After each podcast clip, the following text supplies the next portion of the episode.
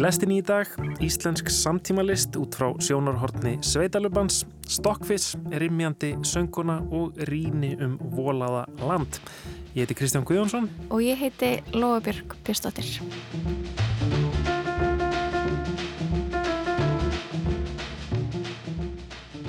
Já, þetta er að ætla að ræða við sýsturna Röggu og Möggu um nýja þætti um íslenska samtímalist sem verða síndir í sjónvarpinu Það fyrst þáttur í kvöld af opnun. Skellum okkur líka í bíó við heimsækjum bæði Bíópartís þar sem að Stokkfiss háttíðin hefst í kvöld og svo heyru við gaggrinni Kolbens Rastrik um volaða land sem við fjöldluðum með mitt um hérna fyrir vikunni. En við ætlum að byrja á rimjandi söngkonu.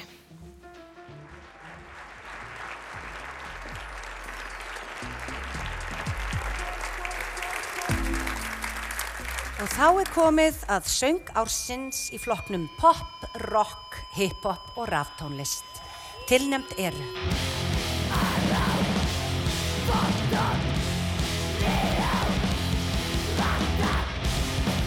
Ylva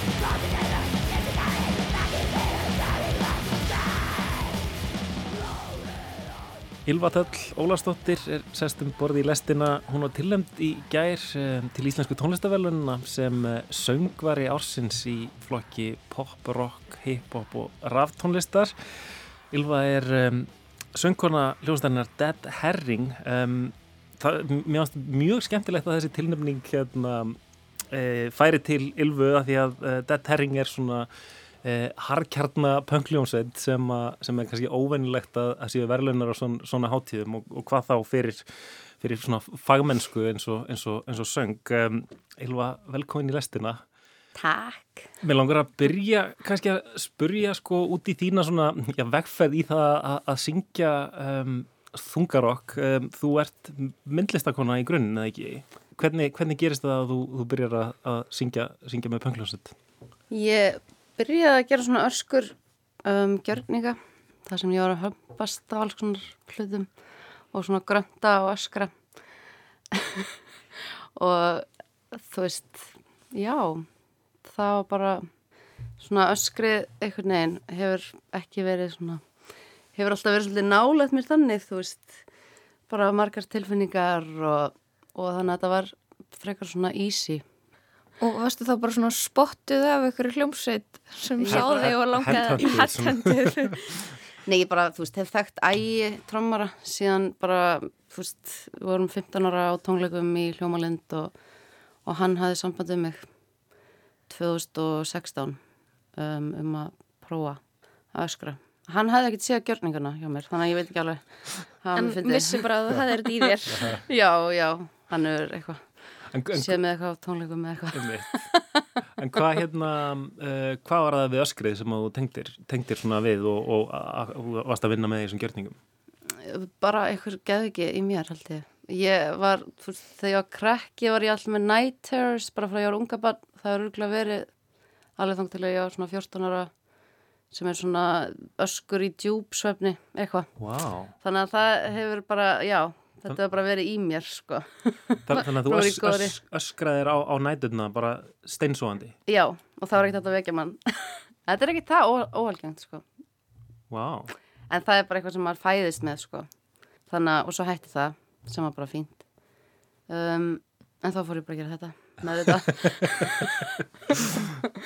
En já, allavega, hérna, þú ert svona hérna, veitt inn í þessa hljómsveit Dead Herring sem að hérna, spilar einhvers konar, hvað, hvað myndir þú kalla þetta, þessa, þessa tónlistarstefnu, hvers konar tónlist er það að gera? Um, það byrjaði sem eitthvað svona power violence sem að er, þú veist, meira hardcore heldur en hardcore eða eitthvað. Bara mjög svona stuttlög Já, hardcore punk kannski verið þá sem, að, sem þekk ekki er, er, er svona mjög ágengt, mjög hratt einmitt mjög stuttlög, til dæmis að einfalt svona kemur úr svona þeirri punkhæði eitthvað neginn, en já. þetta er ennþá hraðar.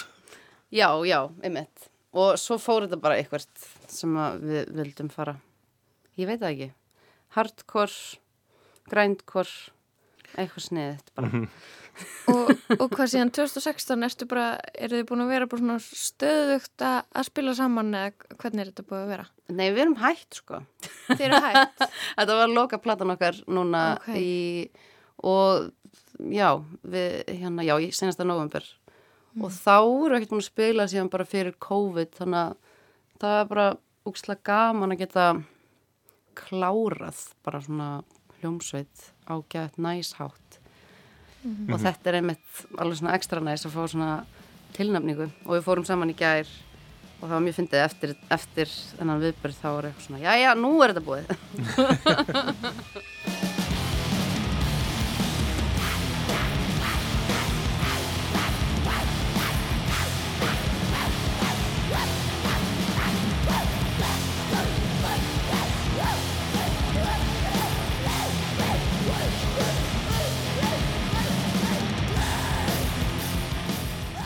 Það að eh, já, öskra í svefni, öskra í gjörningum, það er kannski svona, já, bæði ómeðitað og svo svona, hérna, einhvern veginn bara um, einhver, einhver svona, já, frumtjáning eða eitthvað sem, sem að þú hefur verið að vinna með. En svo þegar maður fer að eh, nota öskrið sem, sko, söngstíl, þurftur eitthvað svona, að, hérna, að læra það eða svona einhvern veginn að hérna, temja þeir einhvern veginn að syng, öskra ákveðin hátt til þess að bara eðliki þið röddina eða eitthvað.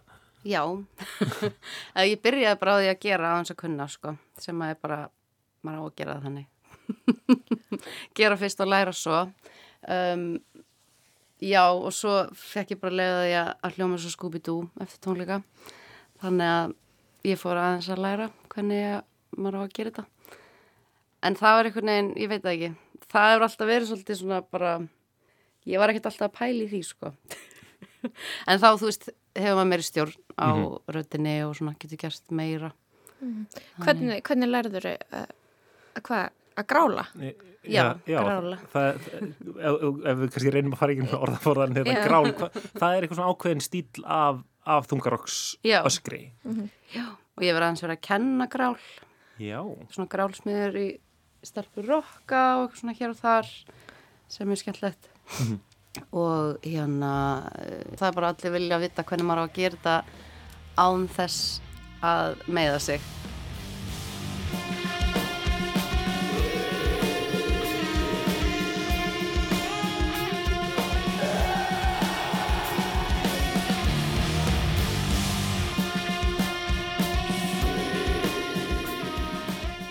Ferðu bara á YouTube eða fer, fer, fer, maður á námskeið í söngskóla Sigur og þú Ég fór bara eitthvað á YouTube og prófa alls konar, þú veist, og, já, einmitt bara prófa ymslegt, en þú veist, þetta er bara aðlatrið er að, þú veist, vera meðvitað um magan og herpa magan og andar og svo mikið í maga og um, hafa hálsin opinn og mjúkan, fínt að svona, þú veist, hallunum aðeins upp, svona eins og bara CPR þannig að þú veist, að, þú veist það er það sem eðilegur rappöndin er að þú veist að maður setur allan þungan í hálsin og er að herpa allt og þú veist svo er lofti að skratsa.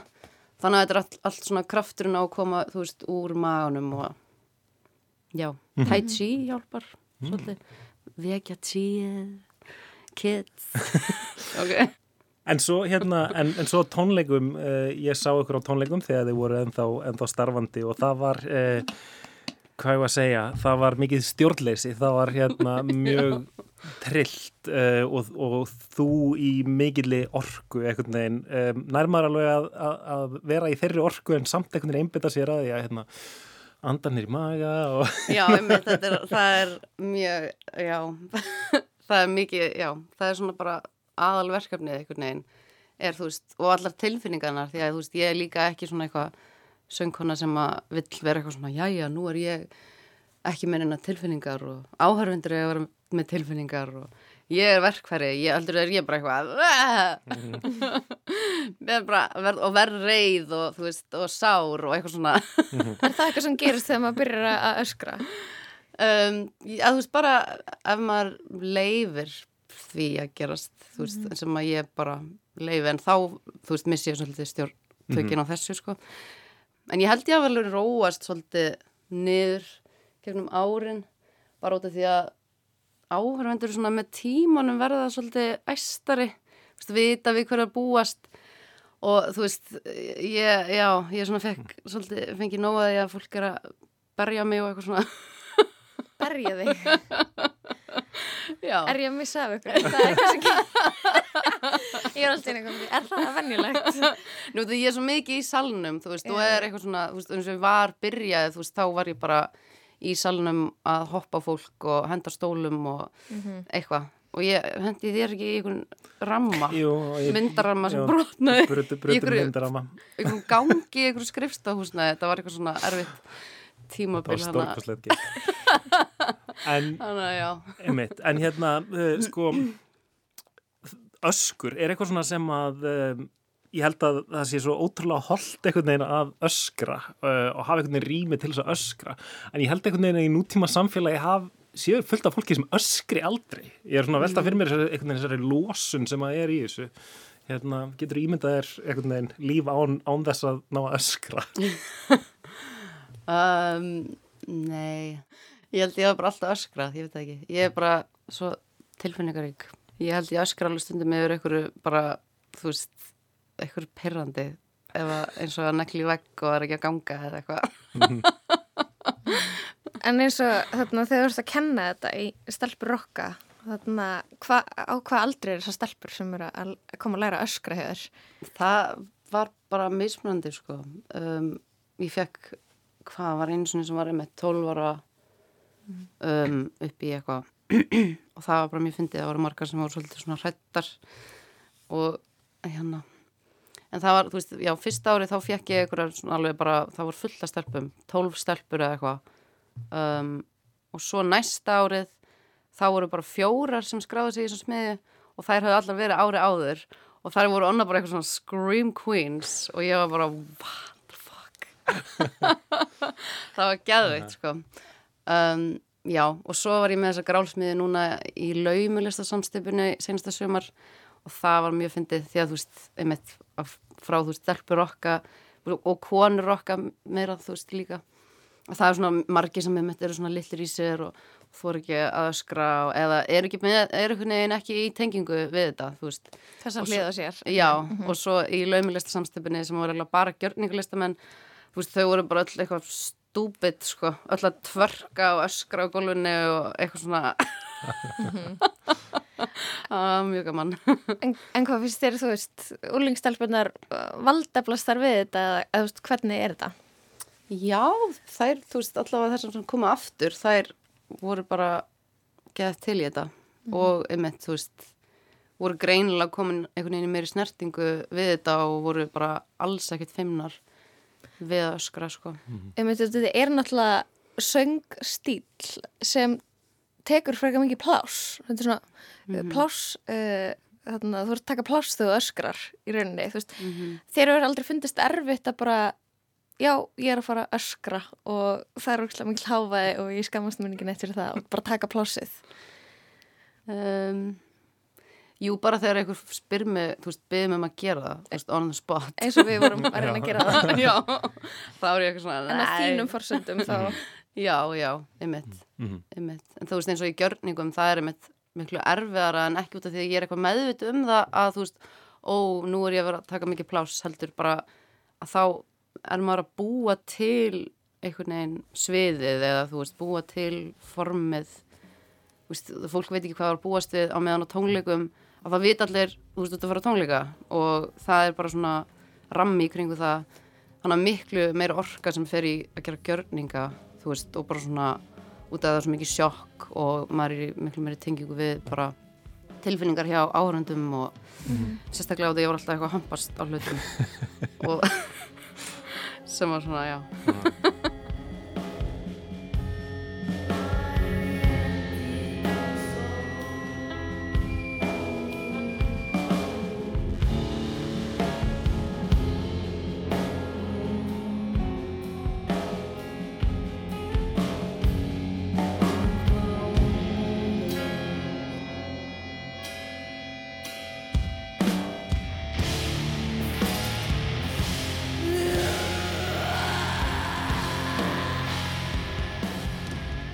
söngstílinn sko fyrir rosa margar áttir. Þetta er ekki einhvern veginn svona ein einhæfur söngur, þú veist, eða ekki bara einhæf öskur, þetta er ekki bara einhvern veginn stöðt grál, þetta, í einhvern veginn mjög margar áttir hvernig svona öskur stíla þú einhvern veginn notar. Ertu, ertu með einhvern veginn svona uh, nánast eiginlega bara sko orði við þetta, þú veist, ertu stundum eitthvað, já ok, hérna kemur kablið þar sem ég grála hérna kemur kablið þar sem ég öskra eða veist, er, er, hva- hvaða orð notar þú talar um þetta til dæmis? Við bara hljómsættafélagana eða Ég veit, tralla bara. Um, bara óhljóð og Mhm. noise eitthvað. Ég nota ekkert, jú segjum þú veist, clean. Já. Já, ég, við erum ekkert að tala um þetta. Um, já, ég veit það ekki. Íslenska orðið yfir grál rimja já. Ok, gott að vita. Rimja. þú rýmur en svo, svo, geltir þú svolítið svona Já. stundum sko. Gelti, já, Já. og ylfra Mhm. og uh, skvíla. Já urra. Já, notar alla verkfæra kistuna já. En já, sem sagt, um, þú fegst þessa tilnæmningu til Íslensku tónlistavælununa um, sem er svona, já, hvað, æðsta, stæ, stæsta sviðið kannski í íslenskri tónlist. Hérna, komið það þér óvart að, að fá tilnæmningu? Já, ég, sko, ægir, hann er svo sniður að sækja um alls konar svona dót og hann sótti bara um alla flokka og ég vissi ekki af því. Þannig að þetta kom alveg úr heiðskýri lofti og bara ógsla gaman. Mhm. Það var bara geggjað. Mundur þú segja þú lítur á þig sem, kannski er þetta fórlega spurning, sem söngkonu eða, eða Já, já, já, ég gerði það. En þetta var alveg svona, já, ok, ég er söngkona, eða þú veist, apparently. mm Og það er kannski ekki allir, allir aðrir sem að sjá það þannig, sko. Kanntu að syngja venjulega? Já, já, já. Það er alveg eitthvað þannig líka á plötunni, sko. Það Eh. kemur bara með emitt, þú veist, þessari tækni og öllu, þá er hitt fylgir það, sko. Eitt sem ég er að velta fyrir mér, sko, varðandi e, það svona að rimja og e, alla, alla þessa hérna, söngstíla eða öskurstíla úr, úr þungarokki. Skipti máli, sko, hvernig rödd maður er með? Þú veist, til dæmis hvort maður sé bassi eða sópran eða allt eða eitthvað þannig. Hef- Hefur hugmynd um það? Þú veist, er, skiptir, skiptir þetta máli? Ég, mér finnst það ekki skipta neinu máli, sko. eins og Halla, vinkonum mín í, í hérna sem er í World Narcosis, hún er, þú veist, hún, þegar hún er öskra þá fer hún alveg, er hún alveg í sópran, sko, og ég næ ekki þeim hæðum og það er algjör bilun, sko. þú veist, það er gæðitt, þannig að hérna, um, en ég er svona bara allt, eða þú veist, ég er bara frekar djúbrata. Það er. En það skiptir einhver máli held ég sko. Allir geta öskara. Já, kannski.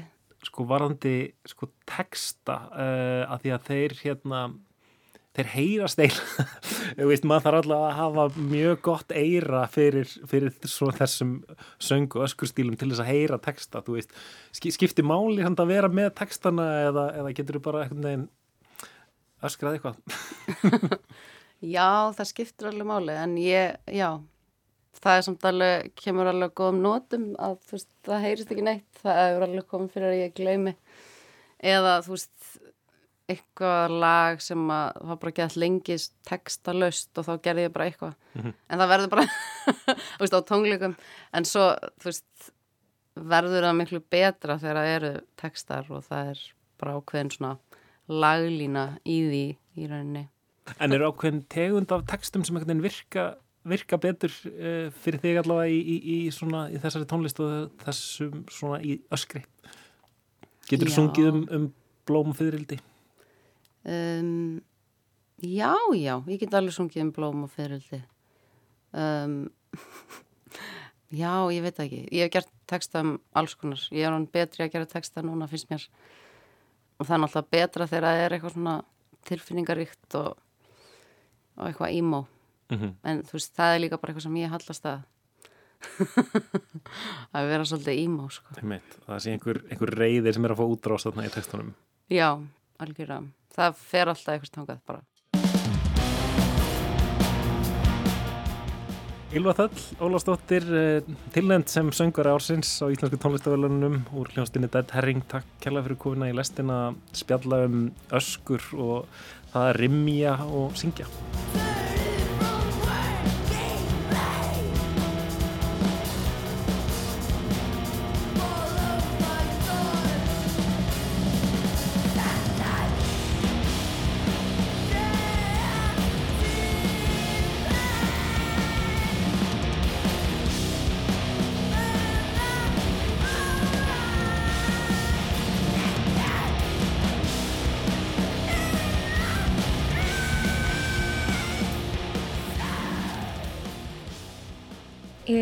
Mættingað niður í Bíóparadís við hverjaskvötuna og hérna í dag eða í kvöld hefst kökumdáttin Stockface og hérna með mér er leikstjórin Ragnar Bragarsson sem er í stjórn hátjærinar.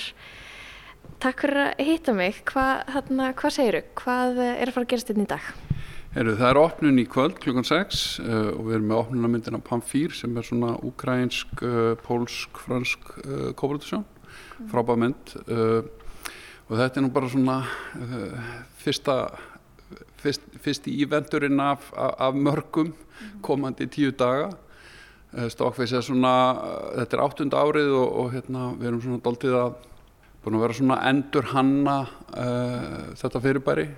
Þess að Stokkveis er kvikmyndaháttíð í bland við bransadaga svo kallaða sem að snúast um það að, að hérna að búa til svona vettvang uh, fyrir uh, íslenska kvömdageramenn og fólki í kvömdagerð uh, og samtal við umheiminn. Þannig að hinga koma týjir erlendra gesta kvömdageramanna uh, sérfræðinga á hinnum á þessum sviðum. Og, og hérna, við erum svona dálítið að, að, hérna, að stúdera uh, alls konar hluti sem eru er náttúrulega mjög relevant eða aktúal í, í, í nútíma umhverfi kvöndageramanna mm -hmm. uh, bara starfsumhverfi, réttindamál dreifing, alls konar hlutir sem að, sem að hérna, já, segjum gæstinni geta upplýst okkur um mm -hmm. og við getum spjallað um okkar reynslu og svo við er, er það þá ný áhersla, er það eitthvað að, að breyta til? Hvernig var þetta þá áður?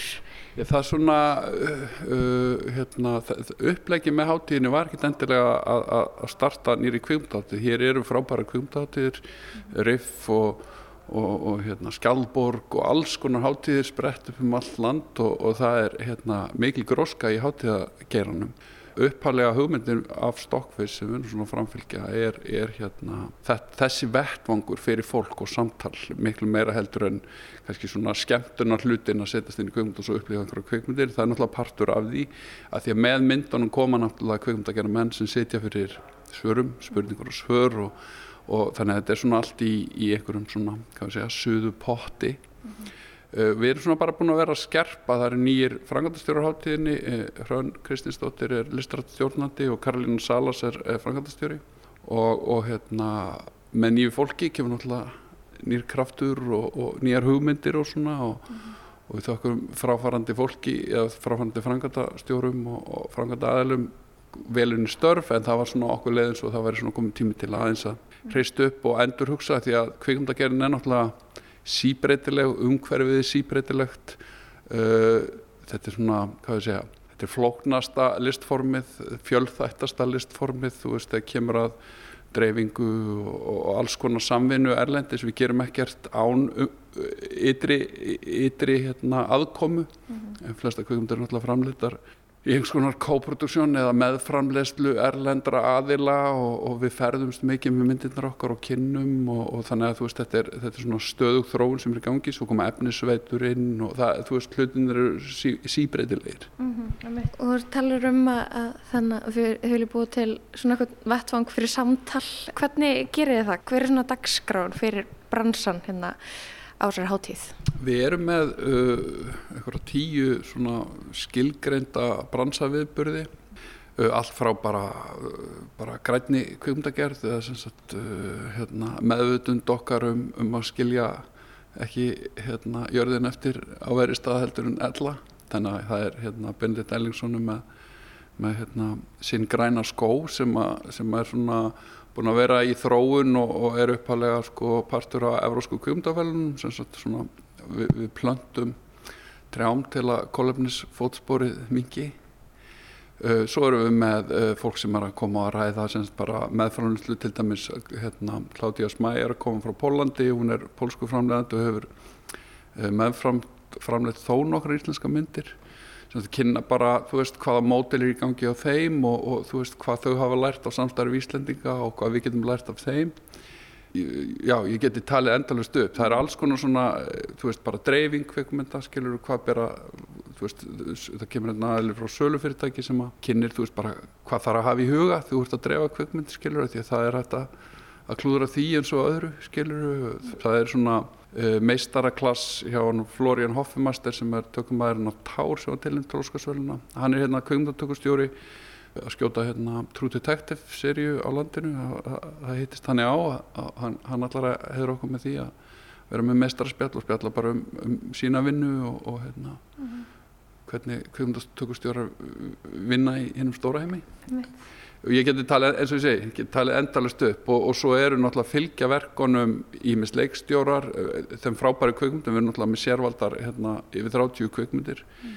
sem að hérna eru svona kannski talveg rjómi af því sem að hefur verið í gangi síðast árið í kvöfundagerðinni. Við erum ekki með einhvern svona frumsýningar uh, hérna, kvöð á myndunum, við erum ekkert endilega að byggja um myndir sem eru fyrst síndar hér, heldur eru við alltaf svona handvelja það sem best er, við erum með I.O. frá, frá Pólandi sem til, var til um tróskasveluna til dæmis og vann á Európsku kvöfundavelunum, fekk velun á síðast á vor og eftir Lukas Dont, Belgíu, geggjumynd, mm. Uh, Girl Picture, það, þú veist ég, enn og aftur geta endalast upp á frábæra myndum sem eru. Mm -hmm. og svo erum við með svona áherslu á að því að samtali er ekki bara kannski við hérna, umheiminn eða sem sagt uh, og bransa erlendir frá, uh, við leggjum mikið upp úr sem sagt grásrótar að stuðningi við grásrótina og í, við erum með sprettfiskinn sem er svona stuttmyndakeppni skulum við segja eða stuttverkakeppni sem skiptist í fjóra kategóriur við erum leikið efni, heimildamindir, tilrunamindir og tónlistamindir uh, og við erum með mjög svona veglega velun, við erum með samstarfi við RÚF sem sýnir svo velunaverkin uh, og, og svo erum við með kukl sem er svona tækjalega og, og, og hérna, trickshot sem er eftirvinnslu fyrirtæki þannig að þeir sem að vinna sem sagt í hverju kategóri fyrir sig, þú veist fá eitthvað upp í hendunda til að hjálpa þeim til að gera næstu verk og um leið, þú veist, kynnumst við sem erum búin að vera kannski lengi í fæinu, kynnumst nýja fólkinu, hvað fólk er að koma þú veist, bara hvað er græsveiturinn að gera og það er mjög mikilvægur hluti, sko að mm. líka bara svona opna hurðina aldrei fyrir það fólk átt að segja á því að hér er, að, þú veist, eru fagfélög að því fagfélögin reyka náttúrulega stokkvis þetta er svona non-profit uh, hérna, það eru fagfélög og það er að leita eftir stuðningi og ráðum og og byrja það samtal líka snemma. Við erum búin að vera að tala um það sem eh, er í gangi fyrir bransan, hvað, þarna, hvað stendur upp úr í dagskráni svona þínum að þetta er bara fyrir hinn almenna kveikmynda áhuga mann á hátíðin í ár? Sko með, með bransaviðbruna því að það er, sko, það er eitt að vera kveikmynda að gera maður og svo er líka kveikmynda áhuga menn og, og, og fólk sem hefur gaman á kveikmyndum en hefur kannski líka bara áhuga á kveikmynda gerð og, og þú veist, hérna, bransaviðbrunir standa öllum til bóða, geta allir mætt á þá, bara þurfa að skrá sig á á Stockfish heimasíðunni uh, stockfishfestival.is mm. og, og ske, skoða dasgrána því að hér er geggjum dasgrákvökundum mm. og við náttúrulega bara vonumst til að sjá sem flest flesta landsmenn í biopartís og mm vonust til að, að hérna, stokkvist bara eflist og, og stakki og, og sé svona enn eitt möguleiki fyrir fólk í þessu frábæra biohúsi hérna biopartís að sjá bara enn fleiri verk sem eru rjómi e, þess ás sem, sem liðið er. Takk að kella fyrir spjalli Ragnar Bragarsson og uh, gleðilega hátíð. Já, Takk fyrir, sem leiðis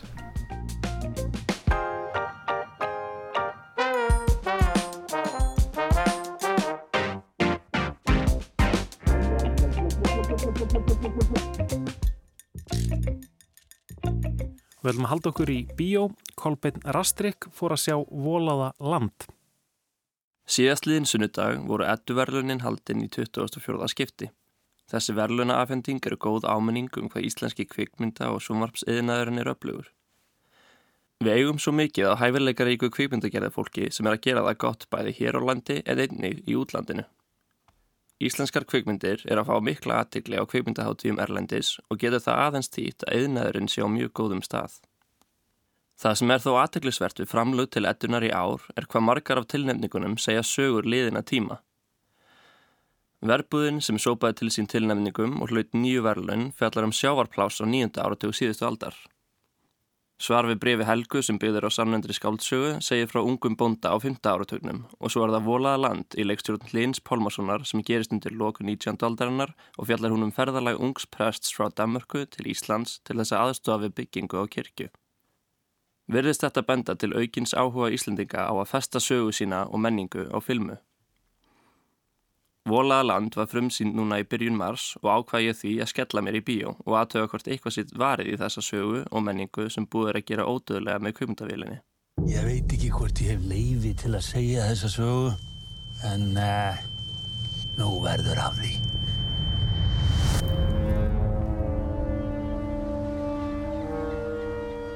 Volaðaland eða Vanscaped Land á dönsku hefist á fulleringu um að á Íslandi hafi fundist kassi með sjö votblötu ljósmyndum sem danskur prestur tók og að kveikmyndin sé innblásinn af þessum myndum. Myndin fjallar eins og áður segir um þennan danska prest en hann er sendur af yfirmanni sínum til þess að reysa kirkju við Sveitabæ á söðaustuströnd Íslands.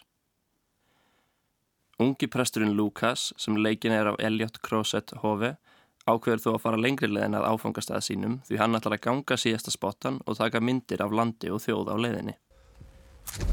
Hann fær tólk í för með sér sem leikin er af Hilmari Guðjónssoni því Lukas kann ekki stakt orði í íslensku áður en hann heldur af stað. Sá sem leiðir leiðangur Lukasar er íslenski búndin Ragnar sem leikin er af yngvari E. Sigur sinni en í fyrstu verið sem hann kunni ekki heldur neitt í dönsku. Hvorfor den lange rejse, når du går sejler til? Jeg, jeg, jeg ville rejse. Landet og lære det at kende. Fotografere det. Og menneskene her. Lukas kemst í fljótt að því að þetta ferðalag er erfiðar en hann bjóst við og að óbyggðir Íslands eru alls ólíkar flatlendi heimaga hans í Danmörku. Sögunni er skipt upp í tvo hluta. Fyrir hlutin segir frá ferðalæginu en sá setni fjallar um uppbyggingu kirkjunar á danska sveitabænum.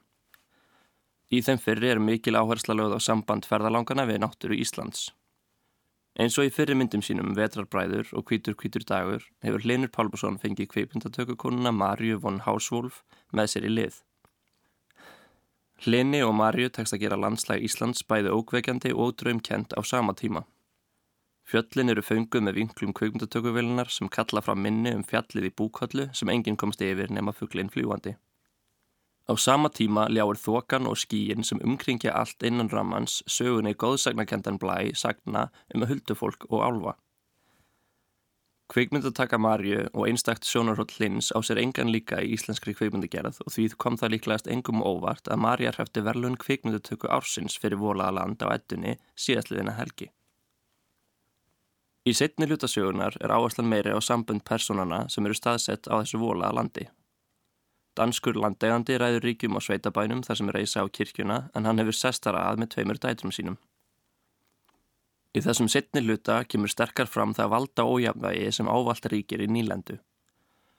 Svona gerist þú býður Íslandingi mat, hann drekkur vínið eitt og sullar rest, segir danski landegandin um Íslandingin Ragnar sem nýbúin er að hella niður.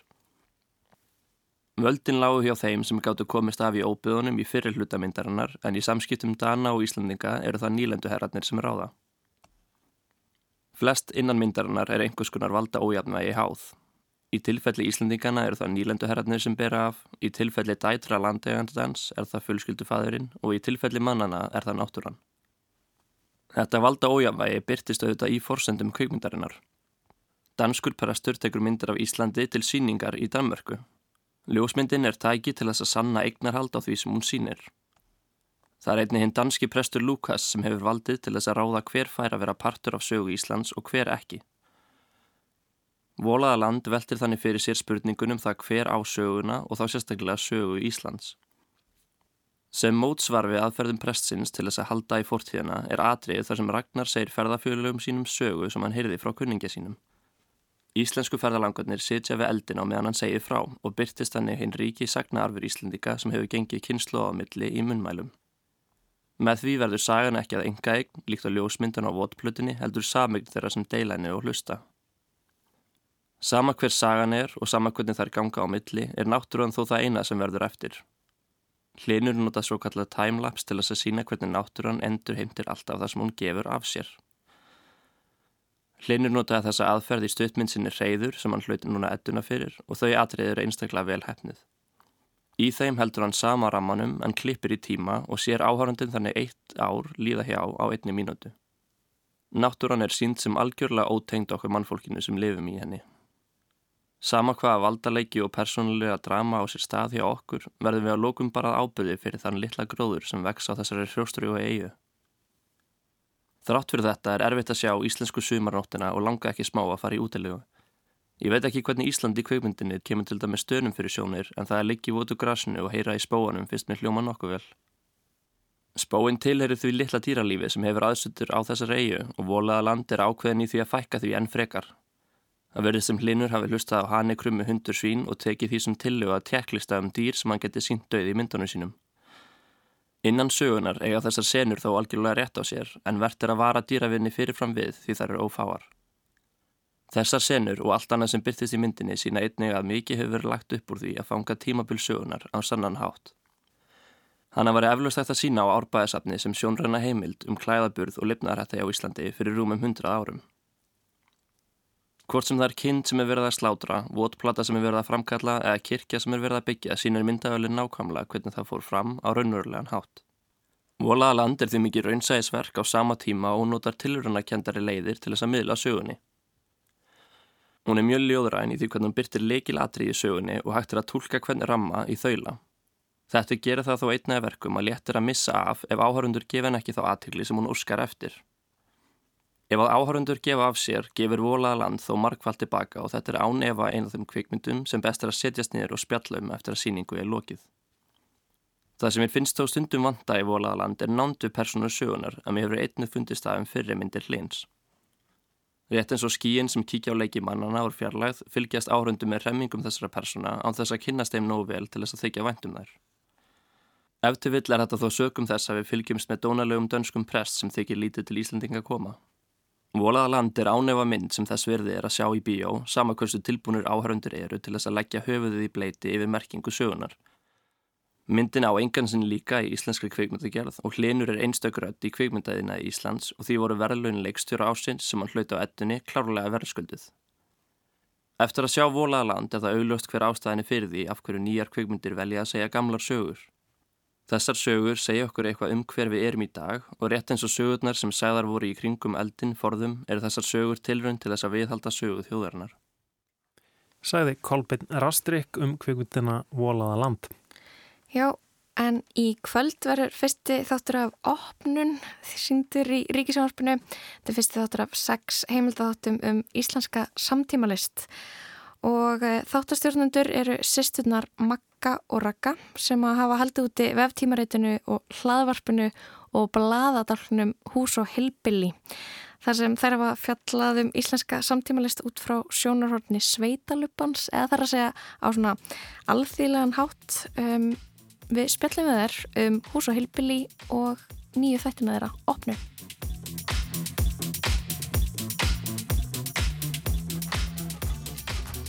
Hvað varst nú okkur að myndlist? Tonight, it isn't so much the paintings themselves which I want to consider as the way we now see them. Nú hér í þessum sal eru margar merkar myndir sem ekki hafa sérst ofinbeglega fyrr. Til dæmis þessi alltaristabla. Hér er það þá rammi, rammi, rammi, spýta. Uh, máling, máling, máling, stryk, stryk, flötur, mála. Hér er ekki byggt á neinu mildum endurteknum þrýhildningum eða klassískum vóðréttum og loðréttum formum. Við sjáum hliðstæðunar mm. í þessum líkamlega innra landslægi sem við höfum ekki hugmyndum hvernig lítur út í rauninni eða erum ekkert að pæla í hverjum degi. Mm. Og síðan allar þessar, þú veist, ljósmyndir sem við erum að fá frá hafnartelefón. Ég, ég gef þessar sínunga alveg hygglust fimm stjórnur af fimm mögulegum. Akkur ekki.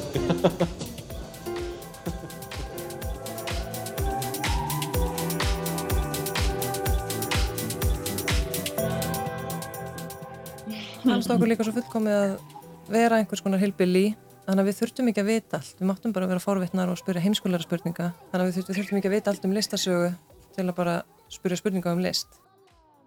Það eru komnar hinga í lestina, Ragnhildur er með okkur í gegnum fjárfundabúnað en hún býr á Dalvík og svo er Margrit hérna með okkur í eigin personu. Veri velkomnar í lestina. Takk fyrir það. Takk, takk fyrir það eru margir sem að þekk ykkur hérna, frekar undir eh, heitinu Hús og Hilbili um, það er verkefni sem þeir eru búin að vera með í svona tíma Hva, hérna, hva, hvað er Hús og Hilbili? Hva, hvaðan sprettur það? Hve, hvena verður það til? Uh, við, árið 2016 þá vorum við bara eitthvað að spjalla saman og uh, fannst vanta einhvern svona umfjöldun um samtíma myndlist á Íslandi á einhvern svona frjálslegan hátt og við árið 2016, ég lók 2016 þá keiptum við okkur lénið hilbili.is og ákvæmum að byrja með vefrit sem við kallum og þar sem við tókum svona mm -hmm. laung og góð viðtöl við myndlistamenn Já, þar sem vorum ekki kannski að ræða eitthvað tildækna síningu, heldur meira bara svona að fá eitthvað sniðmynd af listamanninum komast inn í hausin á honum mm -hmm. af hverju er hann eins og hann er Hérna, fannst ykkur vera skortur á, á þessu um, á Íslandi í íslensku hérna, fjölmiðla landslægi?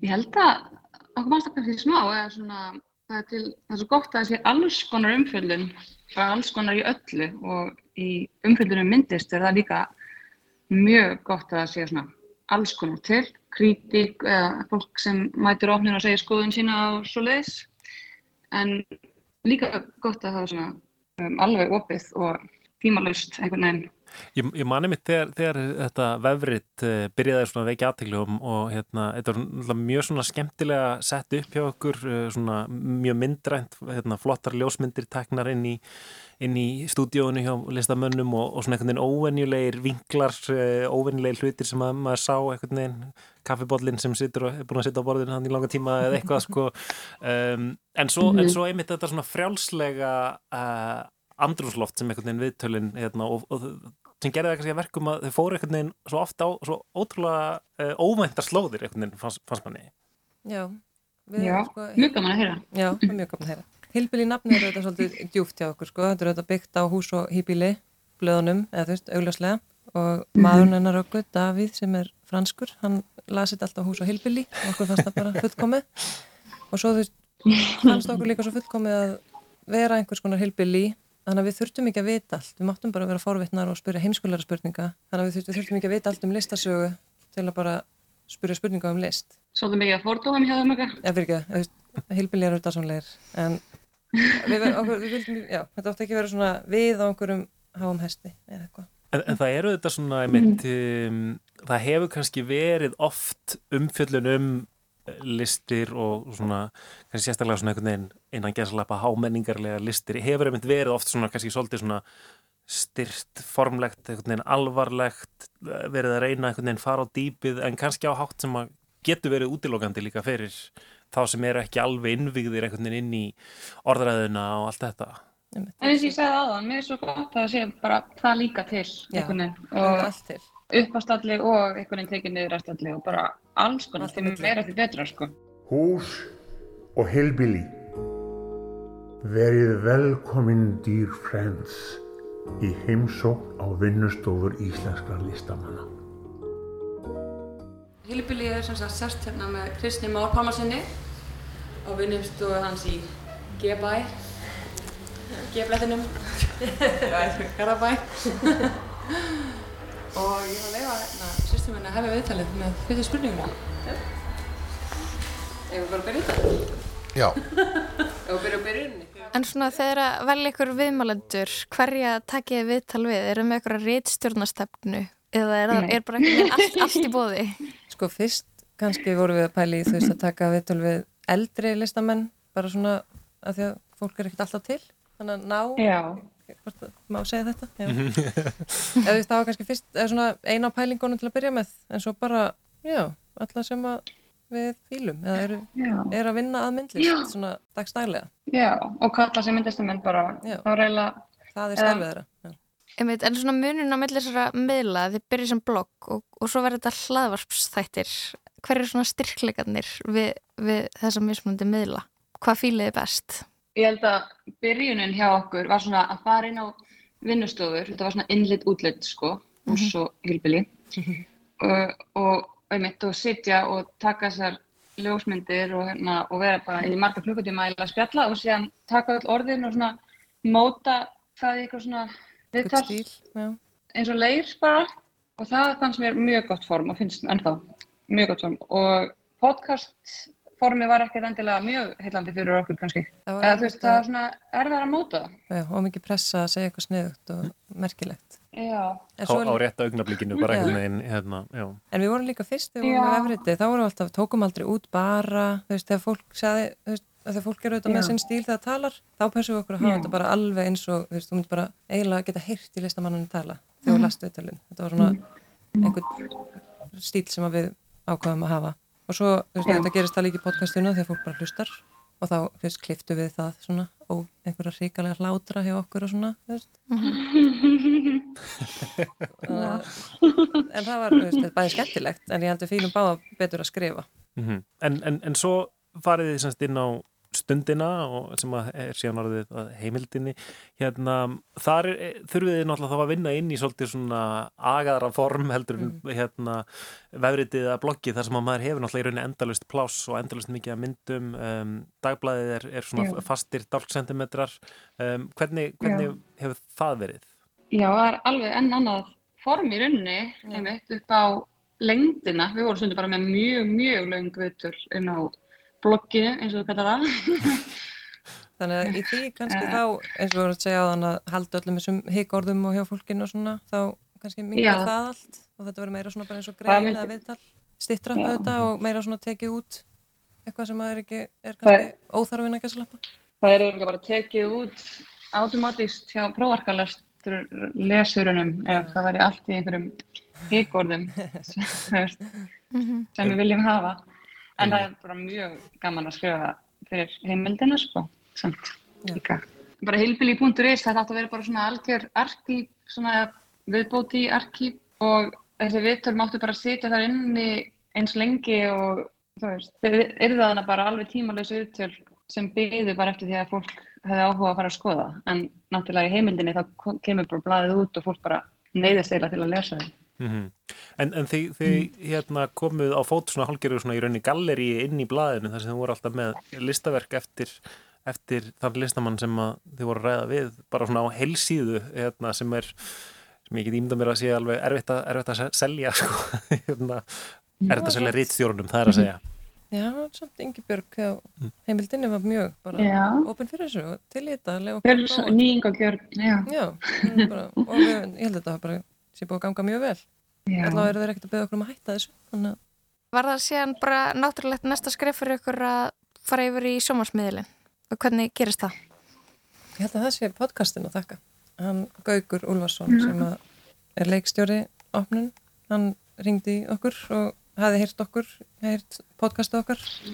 Og okkar svona, ég veit ekki, ég vil ekki vera eitthvað hamp okkur en okkar stíl og eitthvað svona rá, eitthvað rátt í hvernig við tölum eða eitthvað og fílaði það og vildi fá það í þáttinn sinn. Það var allavega eitthvað eitt gott að koma út úr þessu podcasti. Já. Komið sæl. Ég heiti Raka, ég heiti Magga og eru velkomin í opnun. Saman ætlum við að taka við keflinu Markus og Dóró og miðla til ykkar samtíma myndlist heim í stofu. Kristján Guðmundsson tók á mótu okkur á heimili sínu. Hann er ekki með vinnustofu en það sér hann ekki munin á vinnustofu og geimslu. Hann vinnur bara heima við borðið sitt. Þegar hann eðir tíma í soliðis, það er að segja. Þú fóst ekkert til Amsterdam í nám eða hvað? Nei, ég var aldrei farið í listaskóla. Nei, nei. En fannst þér ekkert mikilvægt að læra að fara í skóla sjálfur? Þess... Ég var bara orðin svo gammal, ég nætti ekki að vera að fara í listaskóla fyrir allir vini mínu voru, voru að fara út úr honum. Nei, ég skilja. Já, svo hafði ég bara svo mikið sjálfströst og ég segi, þarf ekki að fara í þessu skóla. Er. Verk Kristjáns eru einföld og sterk, laus við skraut. Hann gerir teikningar sem væri hægt að kalla eitthvað allt annað en það eru skúltúrar gerður úr blímössum og stórum pappisrúlum. Minniverk sem hann kalla líka teikningar eru gerðar úr blíi og skrúblíjöndum sem raðað er þjætt saman. Þetta er allt, allt, alveg sami liturinn. Ú. Þetta verðist bara að vera miklu ljósar og þetta dekkra. Er, þetta er lárið og lárið. En er ekki líka bara allt öruvísi að vinna sér með leikstjóra heldur en að vera að gera þetta alltaf bara sjálfar? Jú. Það er, líka, það er nýtt. Og að reyna að vera eðlur í framann. Það var eiginlega ja, hann var mjög er, góð við okkur samt leikstjórin, hann Gaugur. Mhm. Sað okkur stundum að hætta að vera út í hotni, færa okkur hans til og svona. Það var eitthvað sem festum svolítið högstar. Við vorum alltaf að króa að lista fólki af inn einhverju honni, einhverju trúná og þá náttúrulega það ekki mjög flott svo sefni. Nei, þannig að það var gott að hafa hann innan handar.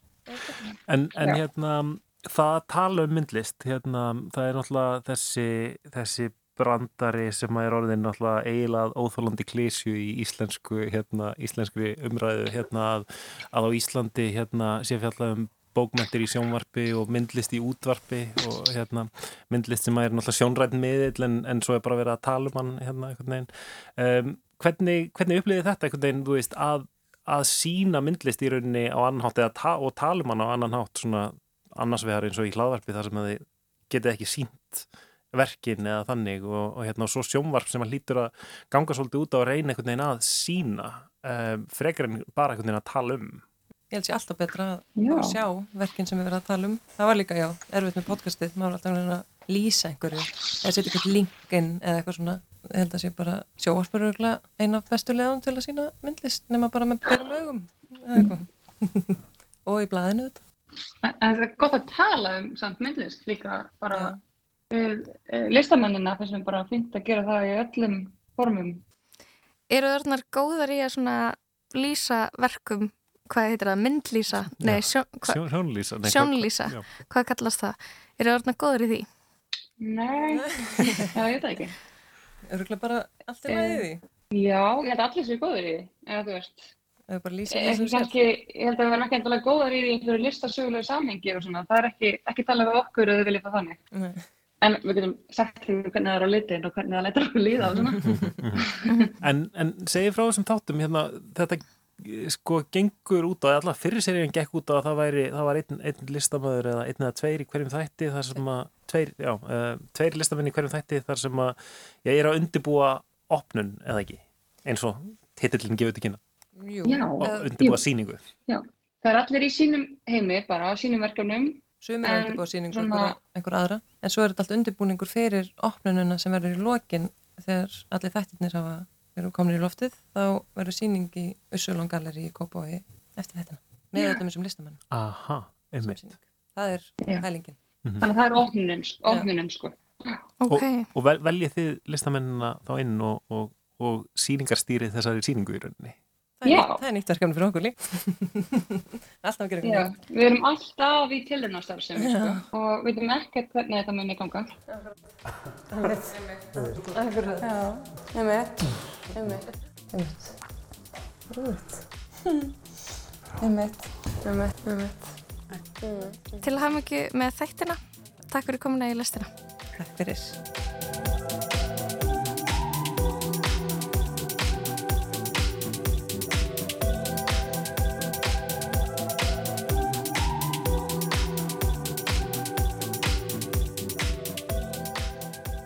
Við erum að við sýsturna Ragnhildi og Margréti Væsabell þáttastjórnendur þáttarna Opnun þættir sem að byrja á rúf í kvöld. Þetta eru heimildathættir um íslenska samtímalist.